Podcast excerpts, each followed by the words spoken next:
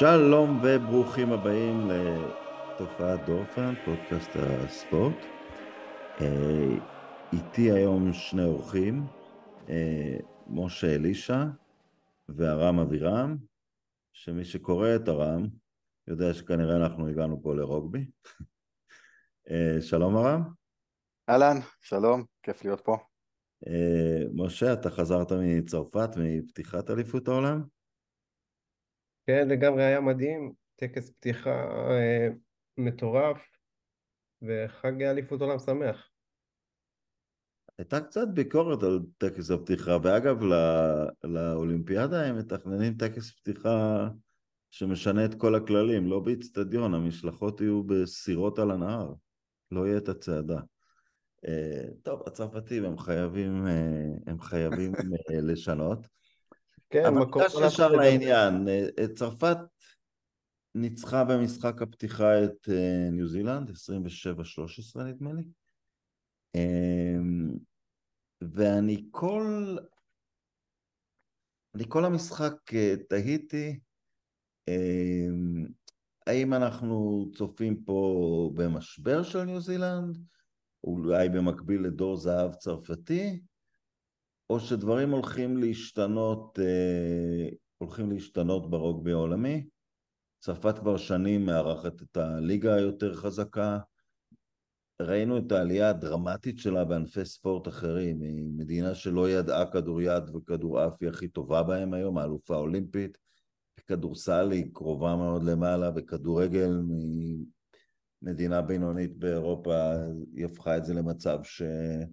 כל אליפות מתחילה שהיא מעין פייבוריטית. מה, מה התחושה שלך, משה, לגבי, ה...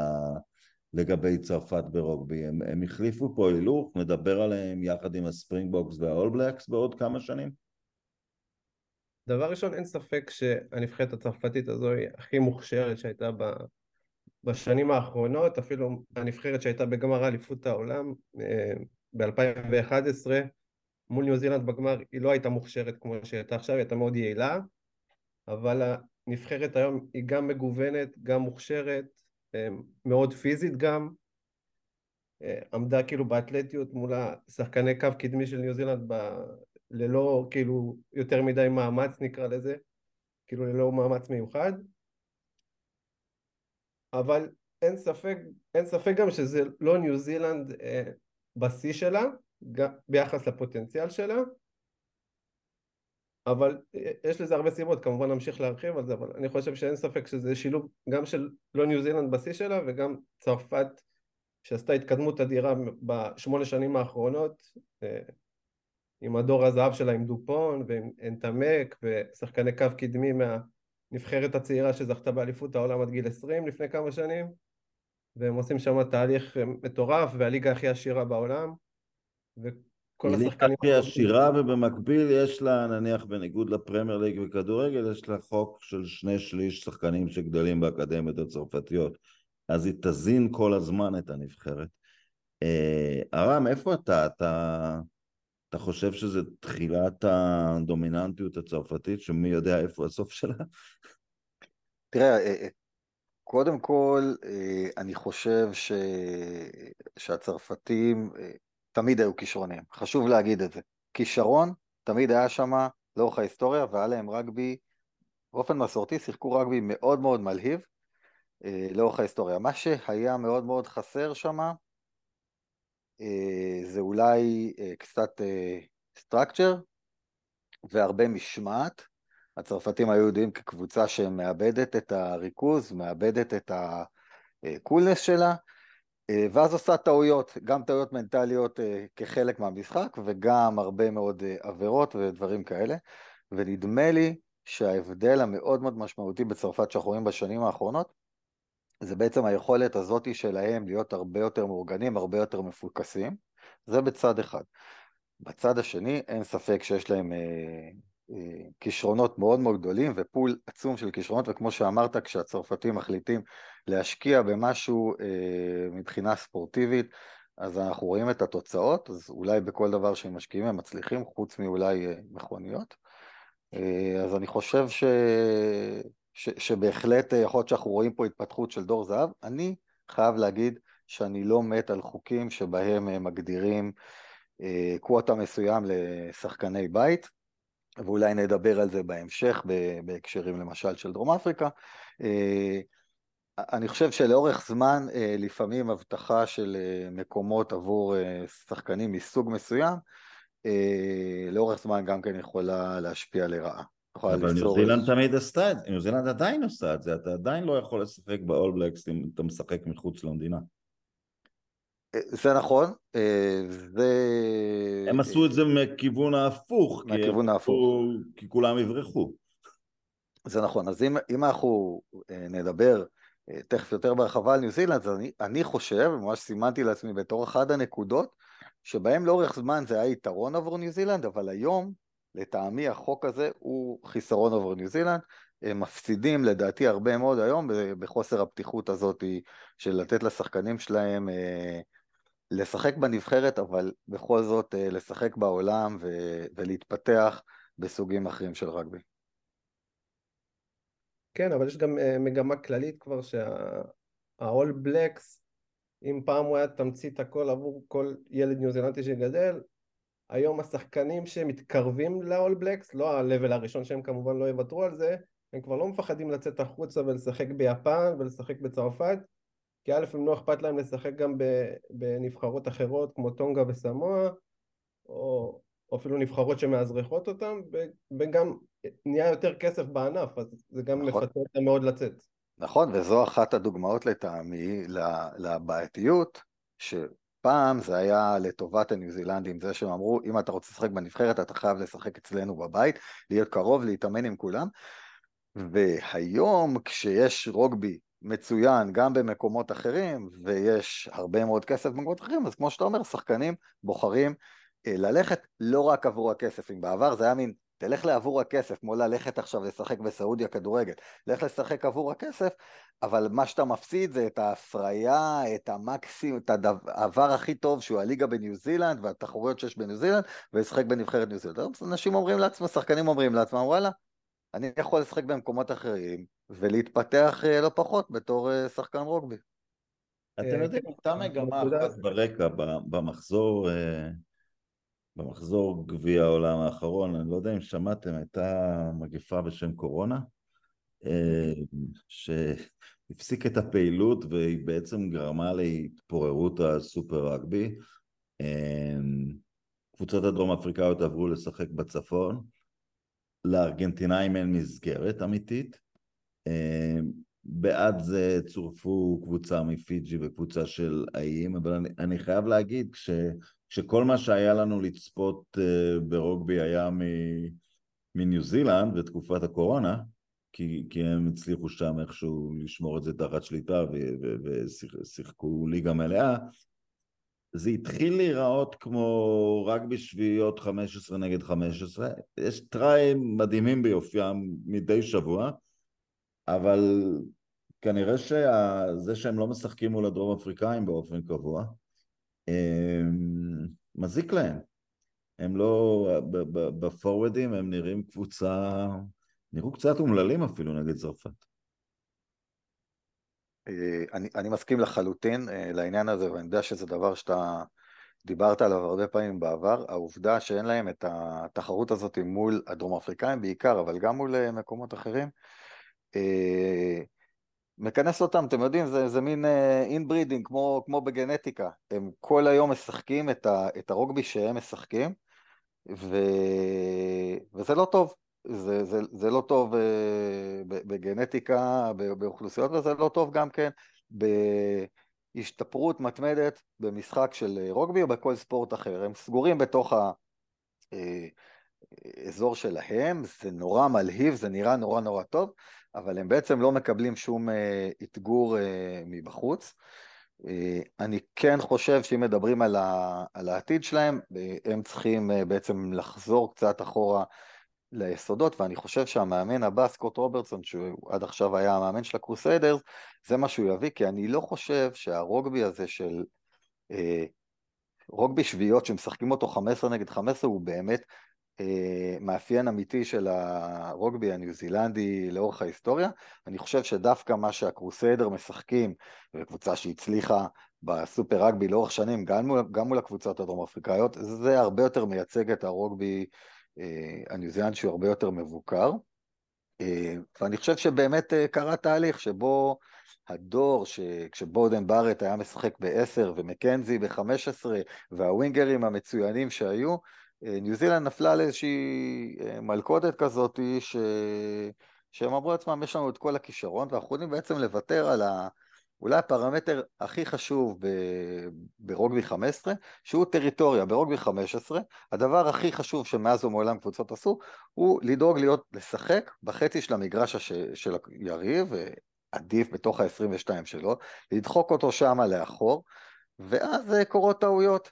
אה, זה יכול להיות אה, פנדלים שמנצלים על ידי בועטים מצוינים, כמו שתמיד היו לדרום אפריקה, בתור דוגמה לאנגליה.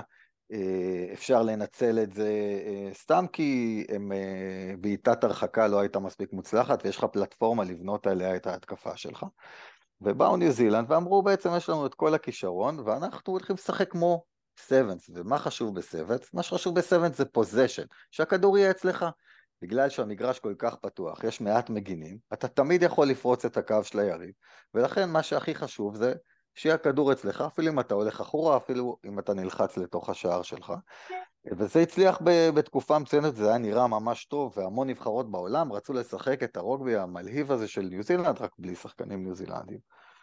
אבל כמו לכל דבר, בסוף אה, נמצאת לזה התרופה, והתרופה באה מקבוצות כמו דרום אפריקה, מקבוצות כמו אירלנד, אה, שמשחקות משחק אה, מאוד אחראי, מאוד מבוקר, בעיטות מדויקות, שאומרות בעצם סבבה, אתם רוצים את הכדור, קחו אותו, אבל תיקחו אותו במקומות הכי לא נוחים במגרש שאפשר, ותנסו, תנסו משם, וזה כולל ההגנות המצוינות שלהם, זה, זה בעצם יצר עצירה של הסגנון הזה של ניו זילנד, אני חוזר להתחלה, אני חושב שניו זילנד עם רוברטסון, המאמן הבא, תחזור הרבה יותר ליסודות, תחזור הרבה יותר לשחק אה, רגבי מבוקר, ואני מאמין שמאגר כישרונות יש להם. אולי אין להם את מאגר הכישרונות של דרום אפריקה או של אה, צרפת, אבל כל ילד בניו זילנד משחק רגבי, כן? כן, אני חושב שיש פה גם, אה, גם עניין של קצת איזה דור מעבר כזה בין, הד... בין הדור שזכה ב-2011-2015 ואז הצעירים עוד לא בדיוק נכנסו לעניינים לבין הדור שעוד לא, לא בדיוק הבשיל כי נגיד בודן ברט היה השחקן הכי טוב בעולם אה, זה שנתיים שלוש והיום הוא, קצת מעבר לשיא שלו. אה, אין לך סנטר מספיק טוב שזה אני חושב שזה תנאי הכרחי בשביל לזכות באליפות בכלל ובטח בסגנון של ניו זילנד כאילו לינרט בראון, או אפילו יואנה לדעתי לא מספיק טוב, אבל יואנה בוא נגיד הוא מספיק טוב, אם יהיה לידו עוד סנטר ממש טוב, אבל כרגע... לא, אני חושב שג'ורדי בארט דווקא הוכיח את עצמו מצוין, מאז שהוא עבר לשחק בסנטר אה, ראשון זה כוח כן, אדיר. אבל, אבל כרגע הוא לא משחק, הוא היה פצוע. כן. כן. אה, דווקא ב wing, דווקא ב wing הסתדר להם יפה בינתיים עם טליה וויל ג'ורדן, אבל בודן קצת מעבר לשיא שלו, אבל עדיין אין מישהו יותר טוב ממנו, ו- ומואנגה הוא מאוד יציב מצד אחד, אבל הוא קצת פחות פנטזיסט, נגיד ממקנזי או בארט בשיא שלו. נכון. הוא יותר, אה... הוא יותר מהיר, הוא יותר דינמי, אבל הוא, הוא פחות, פחות ערמומי, וגם אהרון סמית, שהוא הערמומי מבין, מבין השני שחקנים שמקשרים בין החוליות, הוא קצת מעבר לשיא שלו גם, הוא כבר מבוגר, הוא בן 36 בערך, משהו כזה. אני רוצה גם להגיד, רק לשים משהו בפרופורציה טיפה, וזה שאני לא חושב שניו זילנד התבטלה בפני אה, צרפת. אמנם התוצאה בסוף היא גדולה, אבל אני חושב שהיה משחק, לאורך רוב המשחק היה משחק אה, די שקול, כשהניו זילנדים אה, עשו כמה טקטיקות שדי הצליחו להם, לפחות בחלק הראשון של המשחק. אחד זה, זה שהם דילגו על. ההגנה הצרפתית מתפקדת באמצע ומשאירה פתחים בווינגרים, והם פעם אחת פתחו את זה ממש בדקה השלישית, או מה זה היה, עם אה, בעיטה אה, של, אה, של בארט לעבר טליה, וגם הטראי השני שלהם היה ממסירה שדילגה בעצם על כל ההגנה, זאת אומרת הם זיהו את זה והם עשו את זה יפה.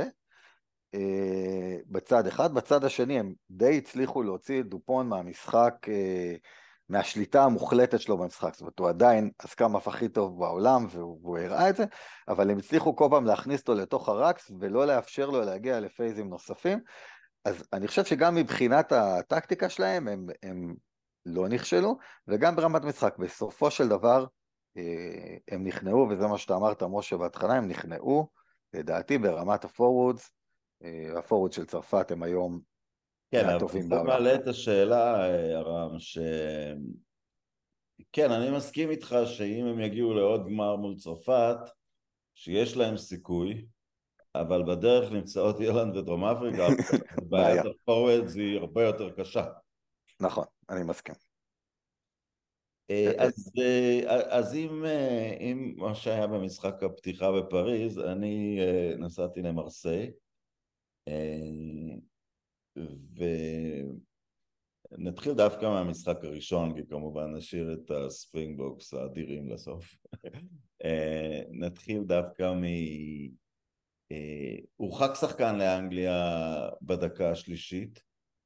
אני אהבתי את זה שהוא הורחק ושארגנטינאי לא, לא בגלל שהייתי בעד ארגנטינה, אלא בגלל שבאמת היה פה הבדל, היה טאקל גבוה אבל היה ראש לראש, ויש החלטה הייתה לי שיחה במחצית עם, עם אוהד אנגלי והצלחתי לשכנע אותו, זה כואב, לא הייתה שם אה, מגמה, לא, לא הייתה שם כוונה, אבל הדרך הכמעט דתית שהרגבי היום מתייחס לפגיעת ראש בראש, הורחקה שחקנית גם בגמר גביע העולם לנשים וזה הכריע את המשחק לרעת אנגליה. אה, הדרך לאנפליזציה של הסיטואציה אה, של הפוטבול שהוציא לעצמו שם רע מאוד על פגיעות ראש אה, היא קצרה מאוד וכמה שזה כואב והורס משחקים אני בעד זה תתייחסו לזה גם אבל אני אגיד מעבר לזה אבל מה שקרה אחר כך אה, אנגליה מתוך עונה אומללה הגיבה במשחק כמעט היסטורי מבחינתה, משנה מומנטום. אה, ארגנטינה שנחשבה כמה שנים ככוח עולה, השיגה ניצחונות בכורה על, אה, על ניו זילנד בשנים האחרונות, אה, ניצחה כמה פעמים את דרום אפריקה, במקרה הזה ציינתי, לא, אין, אין מסגרת לשחקנים שלהם, מפוזרים בכל העולם. זאת הייתה שחיטה, ופתאום אתה מסתכל על נבחרת אנגליה, אם העגלה של הטורניר הזה הייתה נורמלית, אתה היית מבטל את זה. אבל אתה יודע את מי הם הולכים לקבל ברבע גמר, זאת תהיה השנייה מהבית של, אה, של אה, פיג'י, אוסטרליה וווילס. פתאום באבחה אחת הם מועמדים לחצי הגמר. משה, אתה רוצה להתייחס? אני אוהד אנגליה, אז אני עדיף שאתה תתייחס קודם, אתה אובייקטיבי. אוקיי, בסדר. קודם כל, אובייקטיבי לגמרי אני לא יכול להיות, כי אני מודה שהייתי בעד ארגנטינה, אה, גם כי הם חביבים עליי אה, וגם כי הם היו נגד אנגליה. אה, קודם כל להתייחס לעניין הכרטיסים האדומים, אני איתך רונן, אני חושב שלא יכול להיות פה גמישות בכלל, החוקים הם מאוד מאוד ברורים וההרחקה הייתה מוצדקת. אני מודה שאני לא זוכר בדיוק את הסיטואציה של, אה, של השחקן הארגנטינאי, אבל היה, בתחושה שלי לא היה צריך להיות שם אדום. הייטקל מאוד, אבל לא מגע לראש. כן, אז, אז כן, אז, אז אה, בהחלט היה משהו שהוא מקום של אה, כרטיס צהוב. בהתייחס לזה, אגב, אני מאוד אוהב את החוקים החדשים שבהם על כל עבירה okay. אוקיי. מהסוג הזה יש כרטיס צהוב, ואז יש אה, אה, גוף חיצוני שבוחן את הכל ומחליט אם אה, להעביר את, לגרום, להעביר את הצהוב להיות אדום, ולא צריך להתעסק עם זה במשך דקות על המגרש, זה תורם למשחק, אז זה בהערת אגב. לגבי אנגליה, אני חושב שהם באמת הפתיעו לטובה, וכמו שאתה אומר, זה יכול להיות אירוע מגבש עבורם, שיוביל אותם לדרך חדשה. ובכל זאת אני רוצה לשים פה כמה דברים בפרופורציה. אה, למרות, אגב, משחק נפלא של פורד, כל הנקודות שלו, כן, שלושה drop goals במשחק באליפות העולם, זה די מדהים. אה, אבל אה, אני רוצה לשאול אתכם שנייה אחת שאלה, אתם, יש לכם תחושה או שאתם יודעים אה, כמה מה possession שהגיע אה, ל backs של אנגליה, איזה אחוז מתוך זה אה, הם בעטו בעצם ולא מסרו? האמת שאני לא ראיתי את המשחק עדיין בגלל שהייתי בצרפת וזה. היה נראה שהרבה, אבל... אוקיי, אז אני אגיד לכם 96 אחוז. 96 אחוז מהכדורים נבעטו. עכשיו ארגנטינה הייתה מאכזבת, היא לא התמודדה עם העובדה שהיא מגיעה כנראה בתור אה, אה, פייבוריטית למשחק הזה, הם לא עמדו בלחץ, אה, כל ה-up and unders, כל הבעיטות אה, נפלו להם הידיים, מה שעבד מצוין לטובת אנגליה, ואני עדיין שואל את עצמי, האם אה, הטקטיקה הזאת שעבדה מצוין נגד ארגנטינה, אה, תצליח אה, להם בהמשך. אני מסכים שהדרך שלהם היא יחסית קלה והם יכולים להתגבש וזה יכול להיות משהו שממש גיבש אותם, איזשהו אירוע של התמודדות בשחקן חסר, ובכל זאת, אני עוד לא משוכנע שיש להם את, את מה שצריך כדי להמשיך ממש לשלבים הממש גבוהים. ועוד נקודה שאני רוצה להתייחס אליהם, וזה בשש משחקי המשחקים הבינלאומיים, הטסט מאצ'ס האחרונים של אנגליה, ארבעה כרטיסים צהובים וארבעה כרטיסים אדומים. אה, וזה אומר שיש פה בעיה. יש פה בעיה, הם לא, הם לא באים נכון, אם אנחנו מדברים על לשמור על שחקנים, אה, מכות ראש וכל זה, הם לא באים נכון לטאקל, הם באים גבוה, אה, זה מחיר של הניסיון הבלתי מתפשר של ה-line speed, מה שקוראים, לעלות עם ההגנה נורא נורא מהר, אז אתה מגיע כל כך מהר ואתה לא מספיק להוריד את הגוף שלך מצד אחד, זה עניין של משמעת כנראה, יש את כל העניין הזה היום של טאקל סקול, שיכול להוריד לך זמן מהשעיה שלך, אם אתה הולך לב... כמו נקודות אה, שאתה כן, מקבל... זה מה שנתנו. לקארי, אמרו לו, כן. הוא קיבל אה, שני משחקים בתנאי שהוא יעבור איזושהי הכשרה. הייתי רוצה לראות באחת מההכשרות האלה, אתה יודע. מעניין, כן. גם פארל, גם פארל אגב, אה, עשה את ההכשרה הזאתי. אוקיי. שחקן מועד בטאקלים גבוהים. אגב, חלק מהדרישה גם כן, אני חושב, אתה רואה את זה בגלל, ואולי ההתאחדות צריכה להתייחס לזה, אה, יש את העניין הזה של אם אתה מחזיק שחקן באוויר, אה, מחזיק אותו שהוא לא ירד למטה לרק, ובעצם נוצר מול ואתה לא מאפשר לו, לא מאפשר לכדור לצאת לצד שלו, אז אתה זוכה בסקראם לטובתך. אה, ואני שם לב במשחקים שזה מאוד מאוד מעודד, הרבה פעמים שחקנים, בעיקר את הגדולים, את הפורוורד הגדולים, לנסות לא לתקל בן אדם לרצפה, אלא להפך, להחזיק אותו.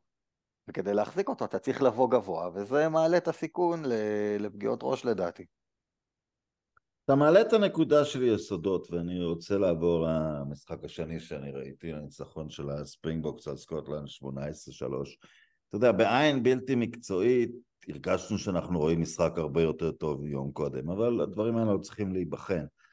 אמ, אבל הם כמעט לא עושים טעויות מהסוג הזה, הדרום אפריקאים. היסודות שלהם בכל, ה...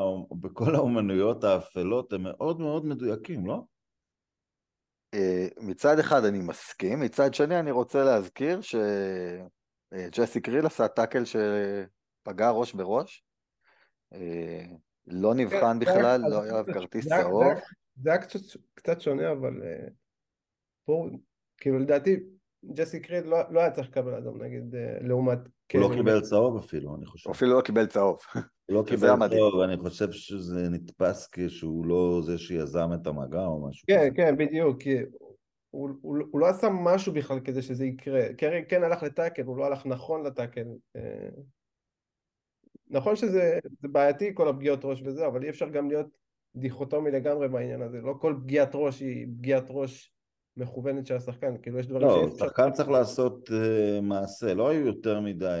כן. היה איזשהו חצי מרמור של המאמן הסקוטי בעניין הזה, ניתן לו קרדיט על זה, אבל לא היה, לא, זה, זה לא הפך לאיזשהו נושא דו, גדול אצלם. דווקא בנוגע לדרום אפריקה, היה משחק מעניין מול סקוטלנד, כי מחצית ראשונה הם שיחקו ב...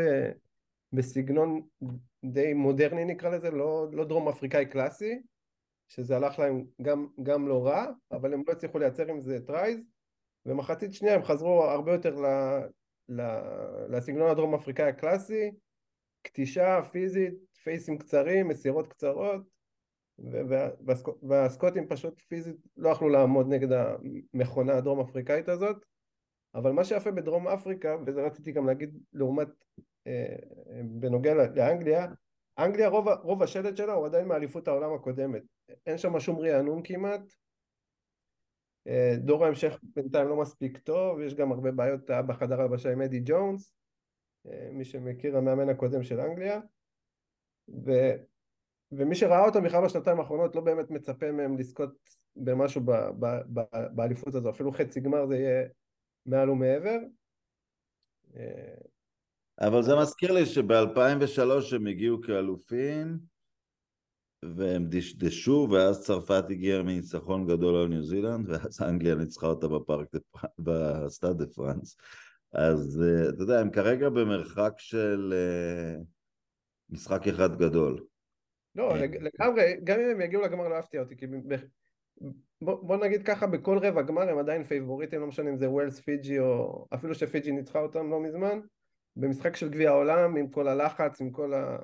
צריך לדעת איך לשחק בגביע העולם, זה לא, זה לא test match אה, עדיין, ולאנגליה יש את המסורת ואת הניסיון, אז גם אם הם יגיעו לגמר זה לא יהיה שוק לגמרי, אבל אני לא חושב שיש להם, לא חושב שהם יגיעו לגמר, אבל גם אם הם יגיעו בגמר הם בטוח יפסידו שמה.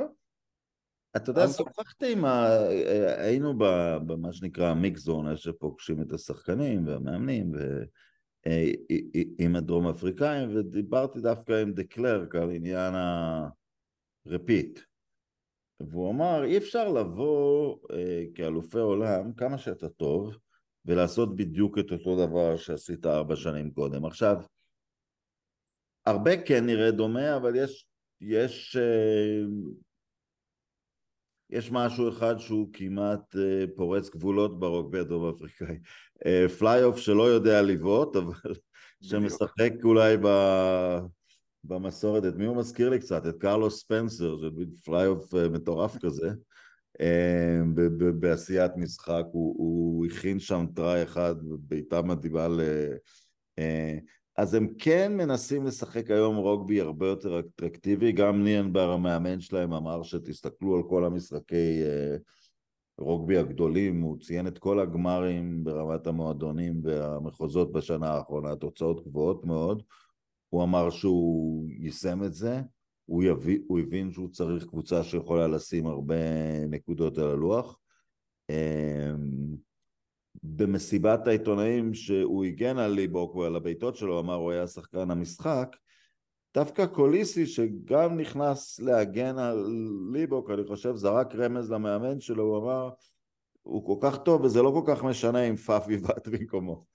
אה, לא, כי הוא אמר אנחנו לא עושים עניין גדול אם מישהו לא הולך לו בבעיטות, מחליפים אותו ואין אני חושב חוק ברוגבי שהפליי, בדרך כלל הפליי-האפים בועטים את ה... בצרפת ה fullback בועט. נכון, היו הרבה, היה... ג'ון אילס בעט, הוא היה lock של אוסטרליה, ואם נחזור הרבה הרבה הרבה הרבה דורות לאחור, אוקי גפן היהודי האגדי של דרום אפריקה היה בכלל prop, אז אין חוק שה fly-half אה, צריך לבעוט, ואם הוא החליף את אנדרי פולארד אז הוא מצפה ממנו לעשות בדיוק אותו דבר. אני חושב שזה משהו שכדאי מאוד שהם יאפסו, כי יגיע המשחק שבעיטות יכריעו. תראה, אני חושב אה, שני דברים פה. קודם כל, אה, אני חושב שהבעיטות של, שאנחנו מדברים עליהן זה לא רק ה place kicks, זאת אומרת הבעיטות ב conversion ובפנדלים וכל זה, זאת אומרת אתה מצפה מ fly-half דרום אפריקאי שהוא יהיה 100%. אלוף בבעיטות במהלך משחק. אני לא מדבר על drop goals, אלא בעיטות שאתה, שאתה מכניס את, ה, את, את הכדור לפינה ותוקע את היריב בתוך ה-22 שלו, ו up and unders וכל הדברים האלה, והתחושה היא שליבוק בהקשר הזה הוא לא באותה רמה של הפליי-האפים האגדיים של, של הספרינגבוקס, והמשחק של הספרינגבוקס בהרבה בחינות מאוד מבוסס על היכולת לתקוע את היריב בפינה ואז להפעיל עליהם את המכבש. והספרינגבוקס הקלאסיים, דיברנו על כאילו שתי המחציות, הקלאסיים, הם תוקעים אותך שם בפינה, גורמים לך לעשות טעויות, ובהתחלה הם אפילו לא לוקחים את הסיכונים של אה, לקחת lineout אה, מה, מהפנדל או משהו כזה ולהבקיע טריים, הם קודם כל שמים שלוש נקודות, והם יודעים לשים שלוש נקודות גם מ-55 מטר. יש להם תמיד בועטים אגדיים. אוספים עוד שלוש נקודות, עוד שלוש נקודות, עוד שלוש נקודות, ואז היריב כבר צריך לקחת סיכונים, ואז הם הורגים אותו. אה, ופה נדמה לי שטיפה החיסרון שלו ביכולת הבעיטה, לא רק, עוד פעם, לא רק בבעיטות של פנדלים וקונברג'נס, אה, קצת גורמת לזה שדרום אפריקה משחקת קצת יותר הרפתקני בשלבים הראשונים. אה, זה הצליח מול סקוטלנד, השאלה איך זה יצליח מול יריבות יותר גדולות. זאת נקודה אחת. לגבי הבעיטות, שוב, לא צריך בעיטות כאילו של פנדלים וקונברג'נס, לא צריך אה, שזה יהיה הפלאף שבועט, תן לפאף, תן לבועט הכי טוב שלך, הרבה קבוצות מחזיקות בועטים, אה, אחד בועט מדויק מקרוב ואחד בועט עם רגל אימתנית שבועט מרחוק, אבל אני כן חושב שיש פה משהו מעניין שאנחנו רואים אה, עכשיו, וזה השעון, שעון הזמן שמגביל את הזמן שיש לבועטים, אה, פתאום אתה רואה שאי אפשר לקחת בעיטה מ-55 מטר, אה, חמש דקות, לעשות תנועות של ג'וני ווילקינסון עם היד ולהתרכז ולהעיף את הדשא ולראות לאן נושבת הרוח אה, ולשעמם את כולם למוות ואז לבעוט. יש לך עכשיו זמן מוגבל ואתה צריך בתוך הזמן הזה לבעוט. ופה אני חושב שיש יתרון עצום לסוג של בועטים שהם בועטים אה, טבעיים מאוד, כאלה שהבעיטה באה להם אה, ממש באופן טבעי, ואז אה, גם פחות זמן להתכונן אה, לא מפריע להם, ופתאום אתה רואה ששחקנים שהם בועטים טיפה פחות טבעיים, נכנסים ללחץ של שניות אחרונות, וזה יגרום ליותר אה, פספוסים, ואני מקווה שזה יגרום לקבוצות להמר יותר על ללכת על הטראי במקום לבעוט, וכולנו נראה רוגבי יותר, יותר כן. חיובי. למרות שאני חייב להגיד, ה drop, drop goal זה חיה קצת אחרת, ה drop goal נכון. של פורד היו, היו פשוט תאווה תאווה לעיניים. נכון. אה, עוד משהו לגבי... כן, סליחה. אני אומר, זה היה drop goal סטייל סטף קרי, הוא התחיל לבעוט drop goals מהחצי, כמו שקרי זורק מהחצי כבר שלושות. אה, כן, זה... זה טווח אה, בדרך כלל... משנה משהו ב... זה משנה משהו בכל, בכל תוכנית ההגנה, אתה יודע, אפילו סקראמים באזור ה-30-40 מטר הופכים לסכנה, אמ, אני לא יודע אם זה משהו שהם החביאו לקראת הטורניר הזה. אה, צריך גם לזכור, אורן פארל חוזר, אבל... אה, בדרך כלל הוא משחק 12. אה, כן, עכשיו הוא ירד, אני חושב שזה חרץ את גורלו של פארל לחזור ל-12 כשהוא יחזור. גם באליפות הקודמת פורד היה 10 פותח. כן. אגב, אני, אני חושב שיש לאנגליה נקודה פה להחלטה.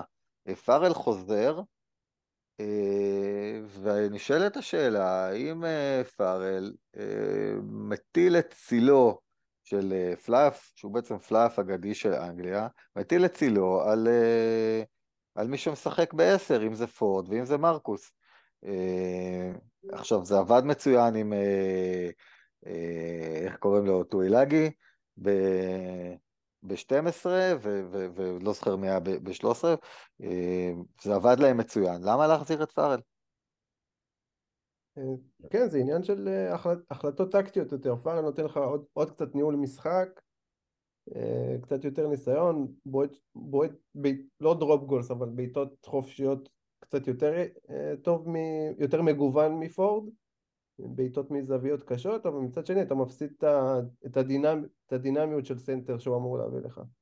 זה כמובן תלוי יריבה וזה, אבל לפארל יש יותר מדי respect אני חושב באנגליה בשביל שיוציאו אותו מהרכב, הוא יותר אה, שם גדול מאשר... אה,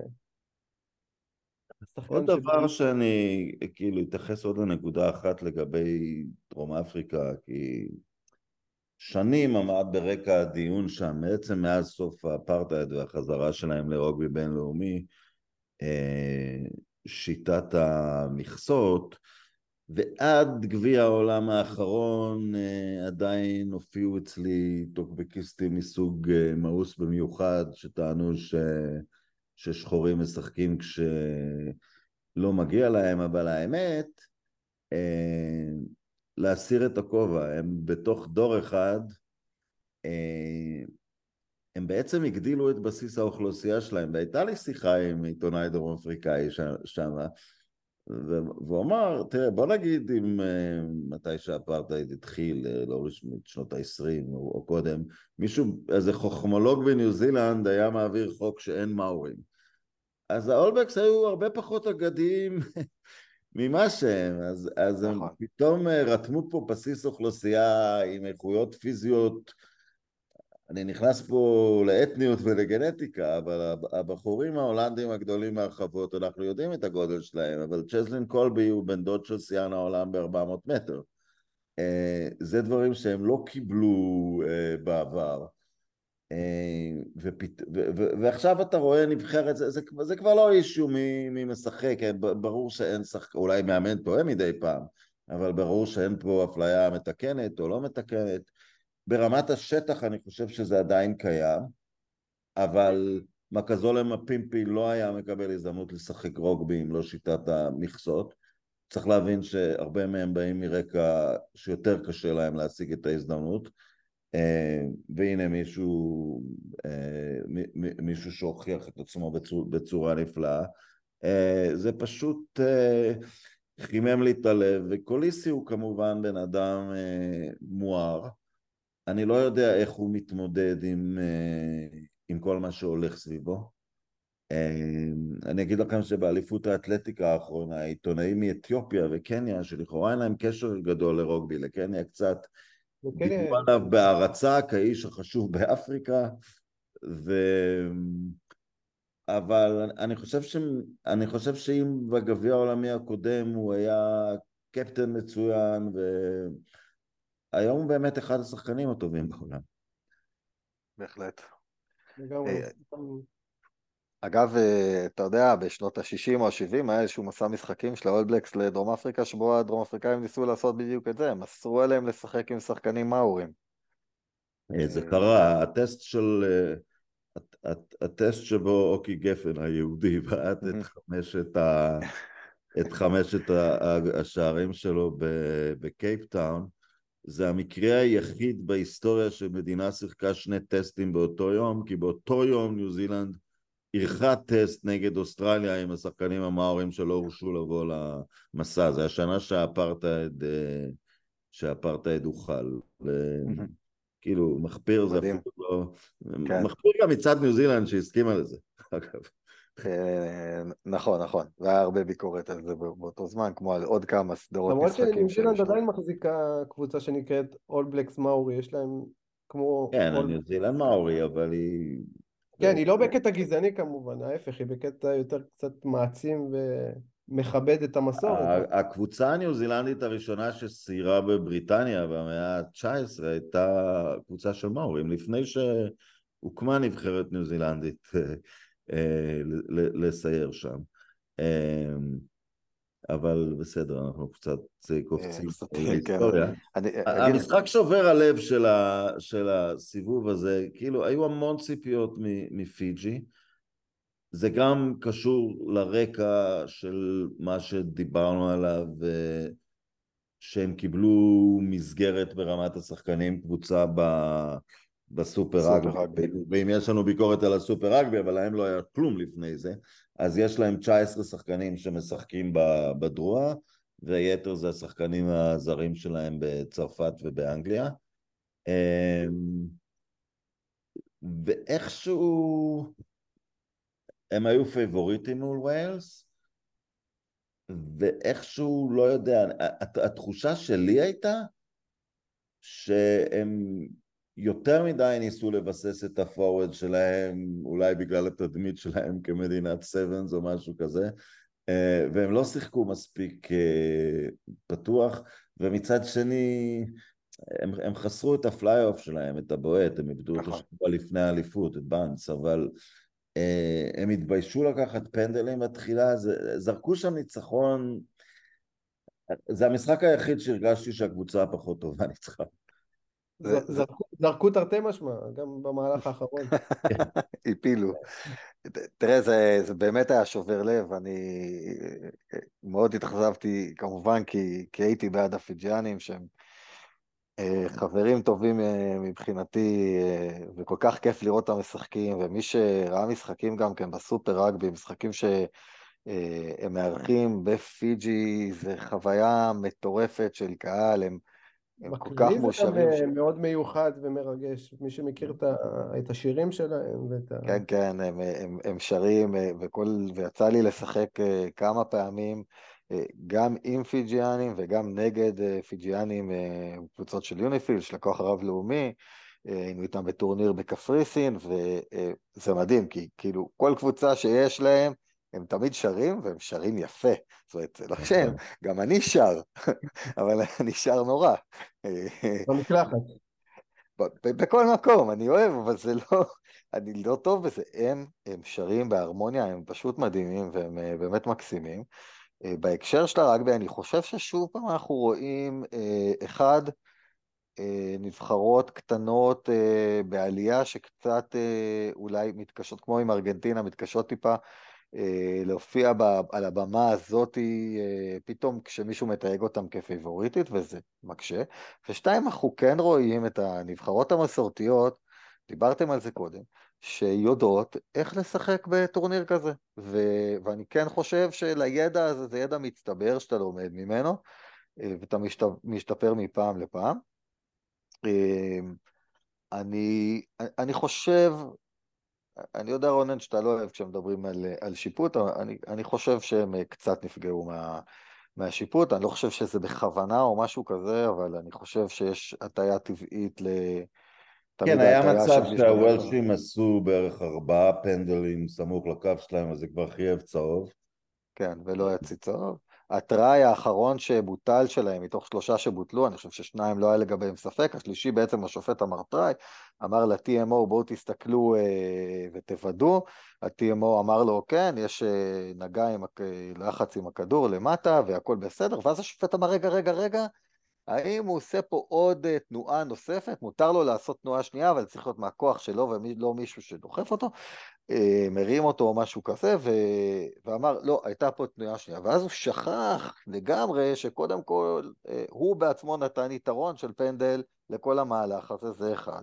שתיים, היה שם שני, הוא לא הגיע לקו, הוא הגיע לקו במהלך שני, כי היה שם שני שחקנים וולשים שתיקלו אותו בשולדר צ'ארט, זאת אומרת בלי הידיים מסביב, אה, שזה לא חוקי וזה דורש פנדל וזה כנראה גם דורש כרטיס צהוב אה, ובעצם אה, הוא הסביר את, הוא אמר רגע לא, הם הפריעו אחד לשני ובגלל זה הם לא הצליחו לכרוך את הידיים שלהם מסביב לשחקן ולכן זה בסוף כאילו הוא כבר עשה שם איזה רצ... רציונליזציה של, ה... של הסיטואציה ושרק אה, לטובת ווילס זה קצת, אה, קצת צרם לדעתי והיה יכול להכריע את המשחק. אבל זה הקסם של הרגבי, הדיאלוגים שהשופטים מנהלים זה חוויה בפני עצמה. זה נכון. שאין בספורט אחר. יכול לשאול האפליקציה, נתנו לנו להוריד אפליקציה ואתה יכול מהבית לשמוע את כל המשחק עם השופט. וואו. באמת? מגניב. אני לא יודע. אני אשלח לכם את האפליקציה ואז תגידו לי. דבר ראשון, וואו, איזה משחק זה היה, כאילו, המשחק הכי טוב באליפות, אפילו שהיה שתי משחקים עם נבחרות גדולות יותר. ובאמת כואב הלב על פיג'י כי הם משחקים רק מאוד התקפי, אבל מצד שני, אני לא יודע אם להגיד שהם לא מספיק מאומנים, אבל יש הרבה דברים טקטיים קטנים שהם, שהם, שהם נופלים בהם, וווילס עם כל הניסיון שלהם, אפילו שווילס הם זוועה, באמת זוועה בשנתיים האחרונות, עשו כמה תרגילים נהדרים בהתקפה שעשו להם tries מאוד פשוטים בסוף, כאילו אתה רואה שתי שחקנים מתנפלים על שחקן אחד שחקן עושה חיתוך בדיוק בקו שלו, יוצר 90 מעלות איתו, ובום, עובר בין שתי שחקני הגנה, מקבל offload, עושה try, ואצל פיג'י הכל בא בכוח, כי הם שחקנים שלהם מאוד פיזיים ואתלטיים בצורה פסיכית. יש להם את, ה, את ה center אה, מספר 22, הוא בדרך כלל פותח, אבל הוא חזר מפציעה, לא זוכר את השם שלו כרגע, שהוא 115 קילו של, אם תראו תמונה שלו באמת, אתם תיבהלו לפתוח את הפלאפון עם התמונה שלו, באמת רגל מפלצתית, פשוט כן, עובר... יש לו רגליים מטורפות. עובר דרך שחקנים, אבל מצד שני, בסוף נבחרות יודעות, ברמה הגבוהה יודעות לעמוד נגד זה. אתה צריך עוד איזה אקסטרה משהו, חוץ מ... כאילו, הם משחקים באמת רגבי מדהים, כאילו יש להם כוח פריצה שמאוד מתאים לרגבי שביעיות. אבל... אז זה הנושא האחרון, כי אתה מביא את זה, כי, כי הייתה אכזבה מסוימת גם מההופעה של... אה, מהפתיחה של גיאורגיה מול אוסטרליה, אחרי זה הם נכנסו למשחק, אבל זה היה קצת מאוחר. אמ, ו... אני, אני מכיר את ציבור הרוגבי, אני מכיר אתכם, אתם מתנשאים על הכדורגל אה, בלי סוף.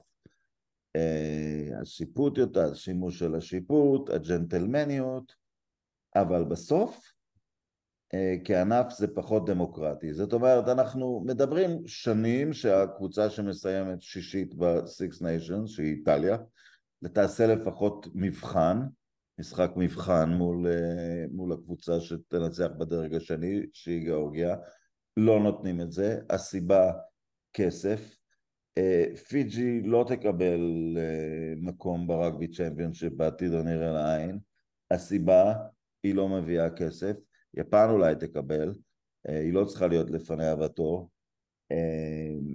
גם שם מבחנים, מדינות כמו סמואה כנראה ראויות למבחנים מפעם לפעם כדי לקבל המדינות הקטנות, אתה מדבר, הן מגיעות לגביע העולם בלי ניסיון, הן נחסמות מלקבל ניסיון, הרם. אה, אני מסכים, אני מסכים לגמרי, אבל אה, אני לא... צר לי להיות אה, זה שמאכזב, אני לא רואה את זה קורה. למרות כל הדיבורים, למרות כל הקריאות האלה, אני חושב שיש פה שני דברים. אחד, אה, כמובן שהקבוצות, האימפריות הגדולות, אימפריות לא רוצות לוותר על הכוח שלהם, ומהצד שלהם, ויש להם המון כוח באיגוד הרגבי העולמי, אה, הן לא רוצות לוותר על, על הכוח שלהם ועל ההגמוניה שלהם, זה, זה מצד אחד. שתיים, האיגוד, כמה שהוא כן, אני חושב, משקיע, הוא משקיע כספים בפיתוח רגבי בכל מיני מקומות בעולם, הוא חושש איפשהו מעיבוד היריבויות המסורתיות הגדולות. זאת אומרת, תאר לך ש, שגם, אה, שלאט לאט עם שיטת היורדת והעולה, גם גיאורגיה וגם איטליה יעשו התקדמות, ופתאום יחליפו שם, אה, לא יודע, נזרוק סתם את סקוטלנד, ופתאום לא יהיה לך את אה, גביע קלקטה במהלך וכל מיני, הם יכולים להמשיך לשחק אותו. כן, זה נכון. אה, אני, אני חושב שיש, שיש, אה, אתה יודע, הם, הם, הם מפחדים, כמו שמישהו אמר פעם. אה, בסדר, אז אולי הרחבה ל-7 nations, 8 nations, whatever, כאילו, זה לא... של דבר, בסופו של דבר משחקים 20 קבוצות בגביע העולם, שלדעתי זה יותר מדי, וכאילו זה במטרה של לעשות גלובליזציה, באות נבחרות כמו רומניה, או רוסיה לפעמים, או ספרד, או... קנדה, ארצות הברית, בסוף, אבל הן משחקות פעם בארבע שנים, הן לא באמת יכולות להשתפר מהשתי משחקים האלה שמקבלות ממעצמות 80 הפרש בראש, מאשר לעשות את ההתקדמות. נכון, הפתרון הוא, אני, אני בעד גביע העולם של 20, כי צריך להיות, במיוחד שאתה נותן בערך 12 כרטיסים אוטומטיים, אבל uh, הבעיה היא לא הגודל של גביע העולם, הבעיה היא המסגרת uh, המסגרת, אתה יודע, אולי הראו איזה שהם ניצוצות, יש נבחרות שאתה יודע, מראות... גם, גם צ'ילה דרך אגב, שיחקו מדהים נגד יפן, רואים שכאילו חסר להם הרבה דברים, אבל משחקים רק במדהים בצ'ילה, כי שם יש כסף והרבה ידע שהם מביאים מארגנטינה, ויכול לקרות שם דברים מעניינים עם צ'ילה ואורוגוואי, אבל הם, בשביל זה הם צריכים לשחק עם ארגנטינה כל שנה, או לשחק מול גיאורגיה ואיטליה לפחות כל שנה. אה, משחקים רשמיים, לא רק טסט מאצ'ס ו... זה באמת חבל שמפסידים מדינות כאלה. גיאורגיה, נגיד, יש שם פשן מטורף לספורט הזה. אה, הבעיה הגדולה עם אה, דרום אמריקה היא שהיא נורא רחוקה. אה, לא, לא, אני לא אומר לשים אותה רק בצ'מפיונשיפ, אבל לעשות לה... לעשות לא, ארגנטינה, ארגנטינה כן ברגבי צ'מפיונשיפ, כן? זה אפשרי, כן?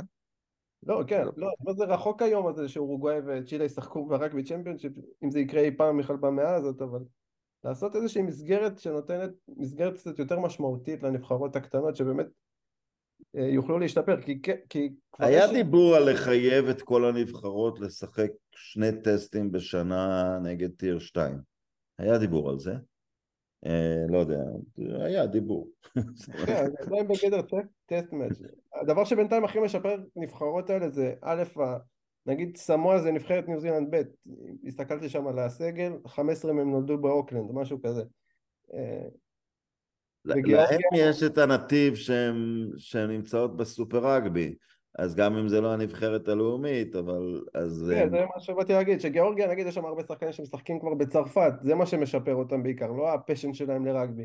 איטליה משחקת באותה ליגה עם ווילס וזה, אז איכשהו זה גם שומר קצת שם על איזושהי רמה מסוימת מינימלית, שאתה יודע שזה ראוי לצפייה, הן לא כאילו מתבטלות כמו רומניה נגד אירלנד, אבל כדי לעשות את ה step-up הזה, כאילו שיהיה קצת יותר עניין, חוץ מהשמונה נבחרות, תשע נבחרות הגדולות, צריך קצת אה, לשבור את הראש איך עושים את זה.